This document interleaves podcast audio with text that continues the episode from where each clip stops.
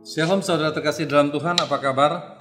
Sudah lama tidak bertemu, kita percaya, kita percaya di mana pun pertemuan kita tidak mengurangi hadirat Tuhan dalam kehidupan kita. Yang pasti kita melalui ibadah online ini, hadirat Tuhan ada di tempat ini, hadirat Tuhan ada di mana saudara berada, di rumah-rumah ataupun di mana saudara berada pada saat sekarang. Saya percaya Tuhan sedang menjamah saudara semua. Saudara terkasih dalam Tuhan, sebelum saya menyampaikan firman Tuhan, Sesudah firman Tuhan kita akan mengadakan yaitu perjamuan kudus. Untuk itu semua saudara terkasih yang ada di rumah-rumah, saudara tolong persiapkan dan mungkin juga sudah dipersiapkan yaitu roti dan anggur. Yang roti saudara bisa menyiapkan roti crackers dan begitu juga anggur saudara bisa menyiapkan sirup yang berwarna merah. Dan kita masuk ke dalam firman Tuhan. Saudara terkasih dalam Tuhan, sekali lagi apa kabar saudara? Apa kabar saudara? Saya percaya semua baik, amin. Semua luar biasa, semua sehat. Kita percaya di dalam Tuhan. Kita percaya kita selalu hidup dalam sukacita Allah. Mengapa kita hidup dalam sukacita Allah? Karena kita percaya hati yang gembira adalah obat yang manjur. Dan kita menjadi adalah orang-orang yang semangat. Saudara terkasih dalam Tuhan, pada saat sekarang kita selalu mendengar firman Tuhan, apa yang disampaikan Tuhan kepada hamba-hambanya. Saya bacakan langsung di mana firman Tuhan ini dibaca, dibuka oleh setiap orang. Kita percaya Tuhan sendiri yang menggerakkan supaya negeri-negeri yang ada di bumi ini dipulihkan oleh Tuhan. Saudara terkasih dalam Tuhan, saya buka 2 Tawarik 7 ayat 14. Saudara yang di rumah-rumah, silakan saudara buka Alkitab saudara dan saya langsung bacakan. Dan umatku, dan umatku, saudara terkasih dalam Tuhan, jelas berbicara umat Tuhan. Saudara dan saya adalah umat Tuhan yang dipilih Tuhan secara khusus. Itu suatu anugerah dari Tuhan. Kita tahu bukan kita yang memilih Tuhan, tapi Tuhan yang begitu baik yang memilih kita. Dan umatku yang atasnya namaku disebut, merendahkan diri, berdoa, dan mencari wajahku, lalu berbalik berbalik dari jalan-jalannya yang jahat, maka aku akan mendengar dari sorga dan mengampuni dosa mereka serta memulihkan negeri mereka. Semenjak COVID-19 kita tahu Tuhan selalu mengingatkan ayat ini sekali lagi supaya Tuhan memulihkan negeri ini dan kita percaya bahkan Tuhan memulihkan bangsa-bangsa. Kerinduan kita bersama saudara terkasih dalam Tuhan, kerinduan kita bersama kita pasti ingin melakukan setiap kegiatan apa pun secara rohani kita seperti di tempat-tempat yang sudah disediakan oleh Tuhan sendiri, seperti di rumah Tuhan, begitu juga kul-kul. Tapi keadaan yang membuat kita tidak bisa bertemu satu dengan lainnya. Tetapi kita percaya ada maksud Tuhan.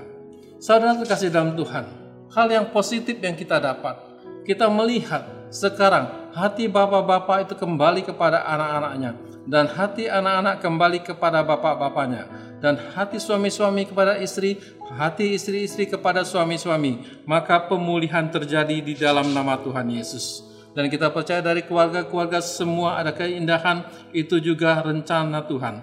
Karena rancangan Tuhan indah dan damai sejahtera, bukan rancangan kecelakaan.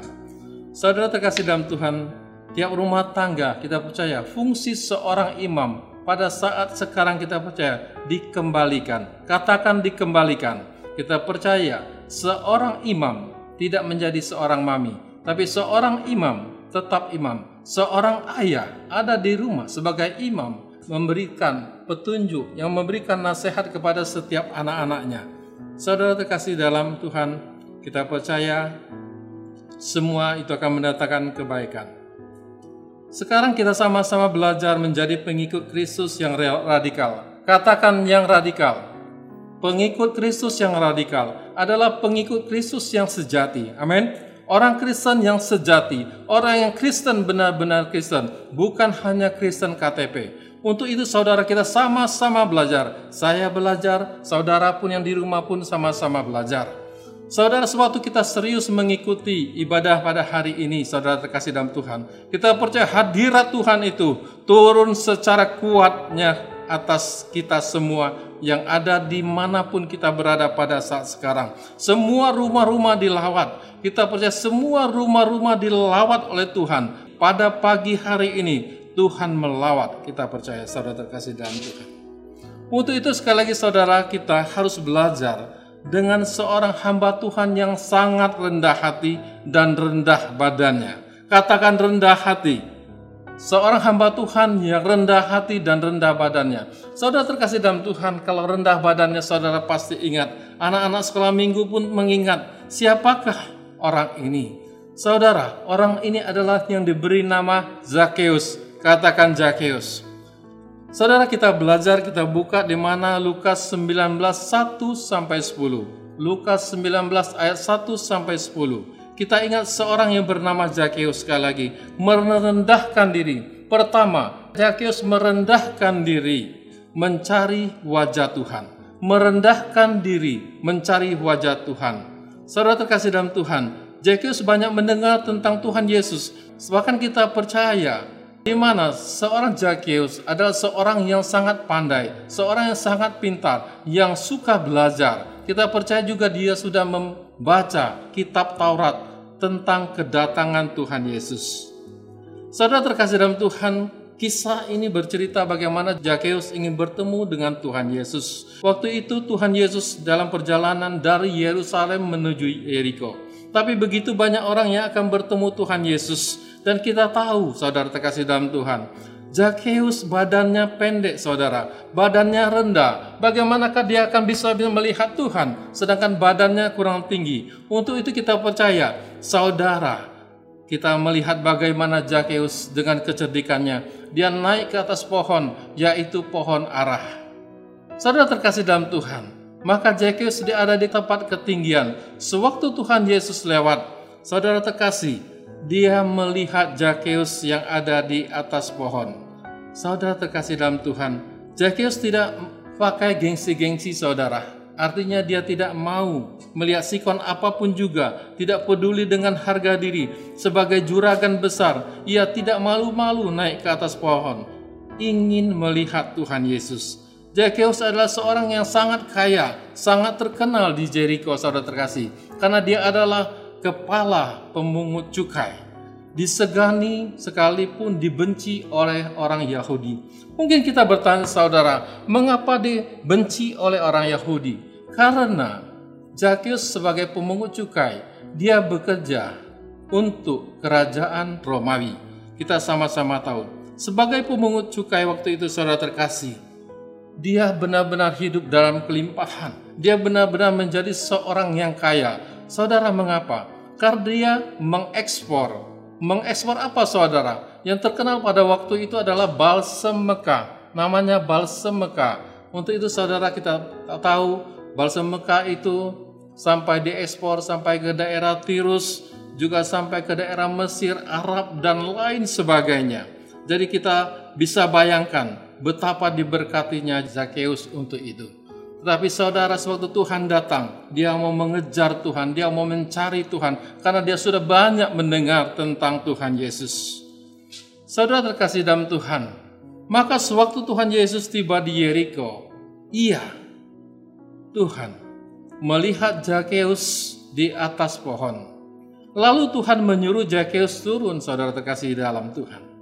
Lukas 19 ayat 5 berkata, demikian firman Tuhan, Ketika Yesus sampai ke tempat itu, Yesus sampai ke Jericho. Ia melihat ke atas dan berkata, Zakheus, Zakheus, dia manggil, segeralah turun, sebab hari ini aku harus menumpang di rumahmu. Saudara terkasih dalam Tuhan, betapa luar biasanya. Kita lihat hal ini, betapa luar biasanya Tuhan mau numpang di rumah Zakheus. Tetapi saudara terkasih dalam Tuhan, murid-muridnya pada ngomel dan menggerutu. Dia melihat bagaimana Tuhan Yesus menyapa orang yang berdosa. Karena murid-muridnya tahu, Zakheus adalah seorang yang berdosa, banyak melakukan korupsi dan lain sebagainya, di mana ia melakukan kesalahan-kesalahan dengan mengekspor dengan cara yang halal maupun tidak halal. Nanti kita bisa buktikan dengan pengakuan apa yang diakui oleh Zakheus sendiri. Tetapi kita percaya Zakheus pada saat itu Dia merasa bergembira sekali karena Tuhan, karena Tuhan yang mau menumpang di rumahnya. Saudara terkasih dalam Tuhan, seandainya presiden tahu-tahu datang ke Bengkulu, saudara, mau mampir di rumah saudara, mungkin saudara menghidangkan makanan yang enak-enak, saudara bersihkan rumah, saudara sapukan rumah dan lain sebagainya. Tetapi kita percaya, begitu baiknya perubahan yang dialami oleh Zakheus. Dia tidak benci kepada murid-murid Tuhan Yesus yang pada saat sekarang sedang mengolok dia, engkau seorang pendosa, engkau seorang yang tidak baik dan lain sebagainya. Tetapi Zakheus pasti memberi suatu makanan yang enak-enak dimasakkan untuk Tuhan Yesus dan untuk murid-muridnya. Perhatikan ini saudara, di tengah-tengah pembicaraan tahu-tahu, ini penting sekali. Perhatikan saudara, di tengah-tengah pembicaraan, tahu-tahu Zakheus berdiri dan mengambil keputusan. Katakan mengambil keputusan tetapi Zakheus berdiri berkata kepada Tuhan, Tuhan, setengah dari milikku akan kuberikan kepada orang miskin, dan sekiranya ada sesuatu yang kuperas dari seseorang, akan kukembalikan empat kali lipat. Lukas 19 ayat 8. Saudara terkasih dalam Tuhan, yang kita pelajari dan kita dapati tentang ini, Zakheus benar-benar seorang yang sangat radikal Mengapa? Karena dia berkata setengah dari kekayaannya, setengah dari asetnya, dia akan membagi-bagikannya kepada orang-orang miskin. Begitu juga seandainya yang tadi saya sampaikan, ada orang yang diperas oleh Zakheus, dia akan mengembalikan empat kali lipat. Sekali lagi, untuk itu kita bisa renungkan saudara terkasih dalam Tuhan. Zakheus benar-benar mengutamakan Tuhan lebih dari segala-galanya. Zakheus mengutamakan Tuhan lebih dari segala harta bendanya. Zakheus mengutamakan Tuhan lebih dari harga dirinya. Tetapi dia begitu bergembira itu semua karena Zakheus merasakannya. Saudara terkasih dalam Tuhan. Inilah yang dikatakan dua Tawarik 7 ayat 14 yang kedua, tadi yang pertama sudah saya sampaikan, di mana Zakheus berbalik dari jalan-jalan yang jahat. Saudara terkasih dalam Tuhan, biasa tukang peras uang orang berubah jadi orang yang murah hati setelah bertemu dengan Tuhan Yesus. Firman Tuhan mengatakan, berbahagialah orang yang murah hati karena akan memperoleh kemurahan. Untuk itu saudara, yang menjadi pertanyaan, Bagaimanakah dengan kita yang sudah bertemu dengan Tuhan? Kita sudah bertemu dengan Tuhan, sudah dibaptis air dan dibaptis dengan Roh Kudus. Mungkin sudah satu tahun, lima tahun, sepuluh tahun, dua puluh tahun, tiga puluh tahun, bahkan lima puluh tahun. Saudara terkasih, bagaimanakah dengan kita? Apakah kita seperti Zakheus yang mengembalikan bahkan memberi separuh dari miliknya kepada orang-orang miskin? Untuk itu saudara terkasih dalam Tuhan, kembali saya katakan, yang jadi pertanyakan, bagaimanakah dengan kita yang sudah bertemu dengan Tuhan? Untuk itu, apakah sudah murah hati ataukah masih marah hati? Maksud saya marah hati, apakah masih marah-marah dan lain sebagainya. Tetapi kita percaya semua saudara di tempat ini saudara yang ada di rumah-rumah, di mana pun saudara berada pada saat sekarang, di tingkat kabupaten, kecamatan, dan kota, kita percaya pada saat saudara mendengar ini, kita percaya hati kita terjamah. Bagaimana Zakheus seorang hamba Tuhan yang luar biasa. Zakheus bertobat untuk mengembalikan setengah sekali lagi saya katakan apa yang dia miliki. Inilah saudara terkasih dalam Tuhan. Kekristenan yang sejati kekristenan yang benar. Orang seperti ini kita percaya susah dijumpai, tetapi akan kita temui di Provinsi Bengkulu. Amin. Saudara terkasih, di Lukas 9 ayat 9, kata Yesus kepadanya, "Hari ini telah terjadi keselamatan kepada rumah ini, karena orang ini pun anak Abraham." Garis bawahi. Sekali saya katakan, kata Yesus kepadanya, hari ini telah terjadi keselamatan kepada rumah ini karena orang ini adalah anak Abraham.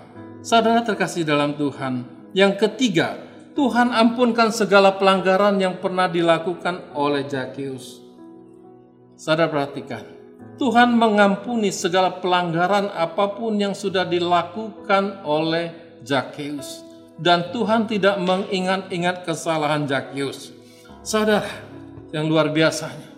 Kita lihat yang keempat, kita melihat hasil dari semuanya. Tuhan menyatakan, Tuhan memberikan keselamatan atas rumah tangga Zakeus, bahkan seisi rumahnya dipulihkan di dalam Tuhan, yaitu seisi rumah Zakeus menerima keselamatan yang datang dari Tuhan. Saudara terkasih dalam Tuhan, dan kalau kita lakukan apa yang harus kita lakukan, kita percaya akan ada pemulihan secara radikal dalam keluarga dan pemulihan atas kota kita, bahkan atas Indonesia. Untuk itu saudara, pada saat sekarang bukan suatu rahasia lagi. Hampir setiap hari kita mendengar tentang corona. Dampaknya saudara terkasih dalam Tuhan. Kita melihat ada 130 juta orang yang kena dampak corona ini dan kita tahu mereka kelaparan. Jadi jumlah seluruhnya di dunia ada 265 juta orang yang kelaparan. Saudara terkasih dalam Tuhan, untuk itu saya merasakan bagaimana Tuhan sedang menilik hati kita, melihat hati kita. Apa yang kita harus lakukan, di mana di belahan dunia bagian lain, tapi kita percaya di Bengkulu semuanya orang berkecukupan. Tetapi kita percaya di kota-kota lain, kita tidak tahu berapa banyak orang-orang yang berkekurangan. Saudara terkasih, sudahkah kita mengeluarkan memberi orang yang berkekurangan? Mungkin saudara belum setengah seperti apa yang dilakukan Zakeus.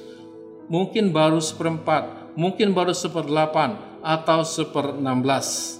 Saudara terkasih dalam Tuhan, Zakius memberi setengah dari semua asetnya. Aset berbicara tentang kekayaannya saudara. Seandainya waktu itu Zakius sebagai pemungut cukai mempunyai uang satu T, berarti setengah T yang dia berikan kepada orang-orang miskin. Garis bawahi saudara terkasih dalam Tuhan, kita ada di dalam Tuhan. Apa yang kita punya itu adalah milik Tuhan. Saudara terkasih, untuk itu saudara berapapun atau apa pun yang saudara tabur, ingat itu diperhitungkan oleh Tuhan.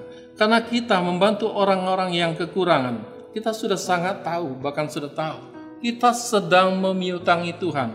Sedangkan Tuhan sendiri tidak pernah berhutang. Katakan Tuhan tidak pernah berhutang.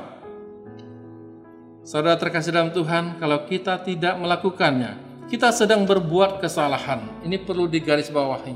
Kalau kita tidak melakukannya, kita sedang berbuat kesalahan sebab kepedulian kita terhadap sesama itu adalah perbuatan baik.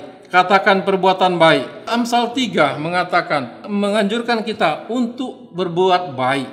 Amsal 3 menganjurkan kita untuk kita berbuat baik, Saudara. Demikian firman Tuhan. Janganlah menahan kebaikan daripada orang-orang yang berhak menerimanya, padahal engkau mampu melakukannya. Amsal 3 ayat 27. Saudara terkasih, apakah saudara mampu melakukannya? Hanya saudara dan keluarga dan Tuhan yang tahu. Hanya saudara dan keluarga dan Tuhan yang tahu. Apa taburan saudara di saat-saat sekarang di mana dunia, di mana pemerintah sedang membutuhkan dana yang cukup banyak untuk hal COVID-19 ini saudara. Untuk itu, sekali lagi saya sampaikan, Tuhan sedang memeriksa hati kita, menilik kepedulian kita, apakah kita peduli ataukah kita tidak peduli. Kitab Yakobus mengatakan di Yakobus 4 ayat 17 demikian firman Tuhan, jadi jika seseorang tahu bagaimana ia harus berbuat baik tetapi tidak melakukannya, ia berdosa. Sekali lagi saudara, jadi jika seseorang tahu bagaimana ia harus berbuat baik tetapi ia tidak melakukannya, ia berdosa. Betapa mengerikannya saudara terkasih dalam Tuhan. Kita mengerti suatu perbuatan baik, tetapi kita tidak melakukannya.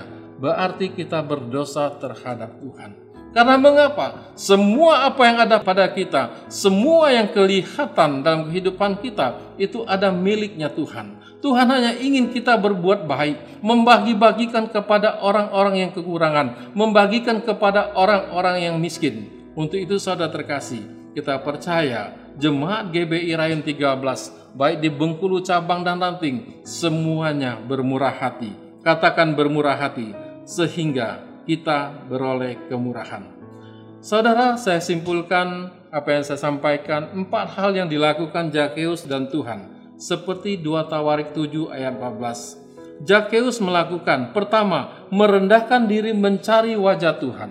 Merendahkan diri mencari wajah Tuhan. Kita sudah ingat bagaimana sampai naik ke pohon untuk melihat Tuhan Yesus. Kita percaya ini juga berbicara tentang doa, ingin rindu bertemu dengan Tuhan. Kedua, berbalik dari jalan-jalan yang jahat dan bertobat. Kita percaya dari kepala pemungut cukai, dia bertobat dan dia kembalikan apa yang ada pada dia, setengah aset yang ada pada dia, dan dia kembalikan bila mana dia ada mengambil uang orang, dia akan kembalikan sampai empat kali lipat. Apa yang dilakukan Tuhan Yesus? Yang ketiga, Tuhan mengampuni segala dosa-dosa Jakeus. Katakan Tuhan mengampuni segala dosa-dosa Jakeus. Dan yang keempat, saya tutup saudara. Tuhan memulihkan keluarga Jakeus dan memberikan keselamatan. Inilah yang terpenting dalam kehidupan kita saudara kalau kita hidup sekarang, yang terpenting adalah keselamatan, karena kehidupan kita di dunia hanya sementara sekali. Tapi keselamatan berbicara tentang abadi, berbicara tentang kekekalan, berbicara tentang masa depan, berbicara tentang surga untuk kita. Itu saja saya sampaikan. Tuhan Yesus memberkati.